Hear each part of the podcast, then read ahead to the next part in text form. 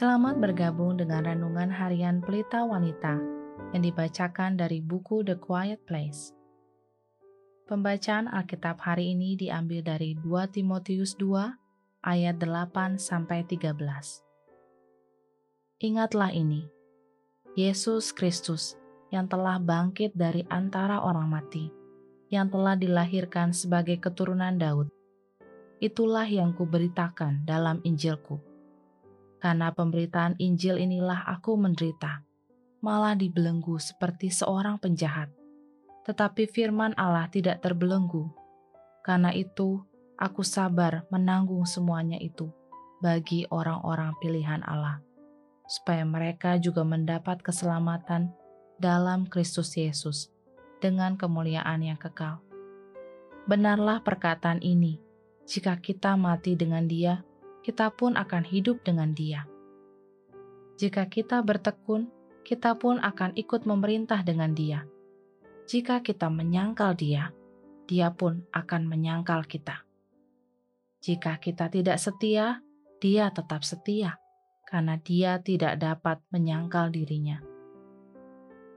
Ayat kunci hari ini adalah dari 2 Timotius 2 ayat 10 karena itu, aku sabar menanggung semuanya itu bagi orang-orang pilihan Allah, supaya mereka juga mendapat keselamatan dalam Kristus Yesus dengan kemuliaan yang kekal. Alasan untuk sabar menanggung penderitaan, menurut Pendeta John Piper, adalah salah satu strategi Kristus untuk kesuksesan misinya demi perluasan kerajaannya.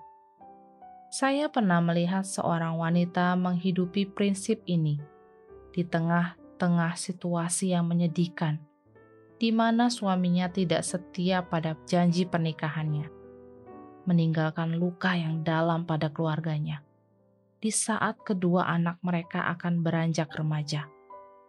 Sepanjang kejadian ini, wanita ini tetap mengarahkan matanya kepada Kristus. Ia menanggung hari-hari yang menyakitkan dan malam-malam yang menyiksa demi Tuhan dan juga demi anak-anaknya dan iman mereka. Di saat yang sama, masih mengambil langkah-langkah yang bijak dan penting untuk menghadapi keputusan-keputusan berdosa yang dibuat suaminya. Suatu waktu di tengah mimpi buruk yang berkepanjangan ini, anak laki-lakinya yang berusia 12 tahun berkata kepadanya, "Ibu, sejak semua yang terjadi selama ini, saya menjadi takut menikah suatu hari nanti, karena saya takut saya akan menyakiti keluargaku, seperti ayah telah menyakiti kita.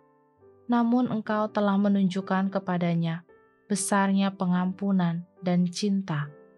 Teladanmu malah membuatku ingin menikah dan menunjukkan komitmen yang sama seperti itu kepada keluargaku suatu hari kelak. Engkau membuatku ingin menjadi kesaksian yang kudus untuk orang lain, seperti engkau.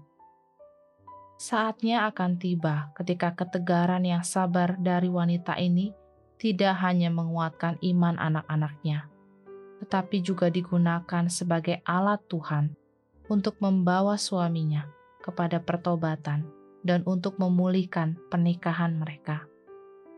Rasul Paulus bersedia menanggung derita demi orang-orang pilihan untuk kemajuan pertumbuhan mereka di dalam Injil.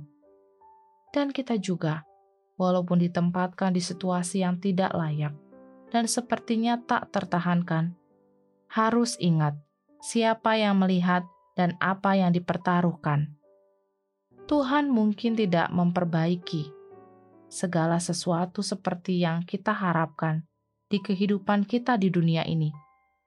Tetapi Ia pasti akan memberikan kita anugerah untuk menanggungnya saat kita menyadari dengan iman segala tujuan ilahi dan hasil akhir dari penderitaan kita.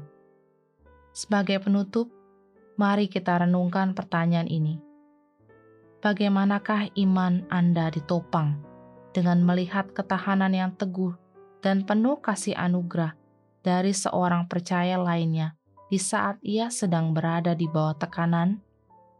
Bagaimana sudut pandang yang diutarakan Paulus di pasal ini berbicara kepada situasi sulit yang sedang Anda hadapi?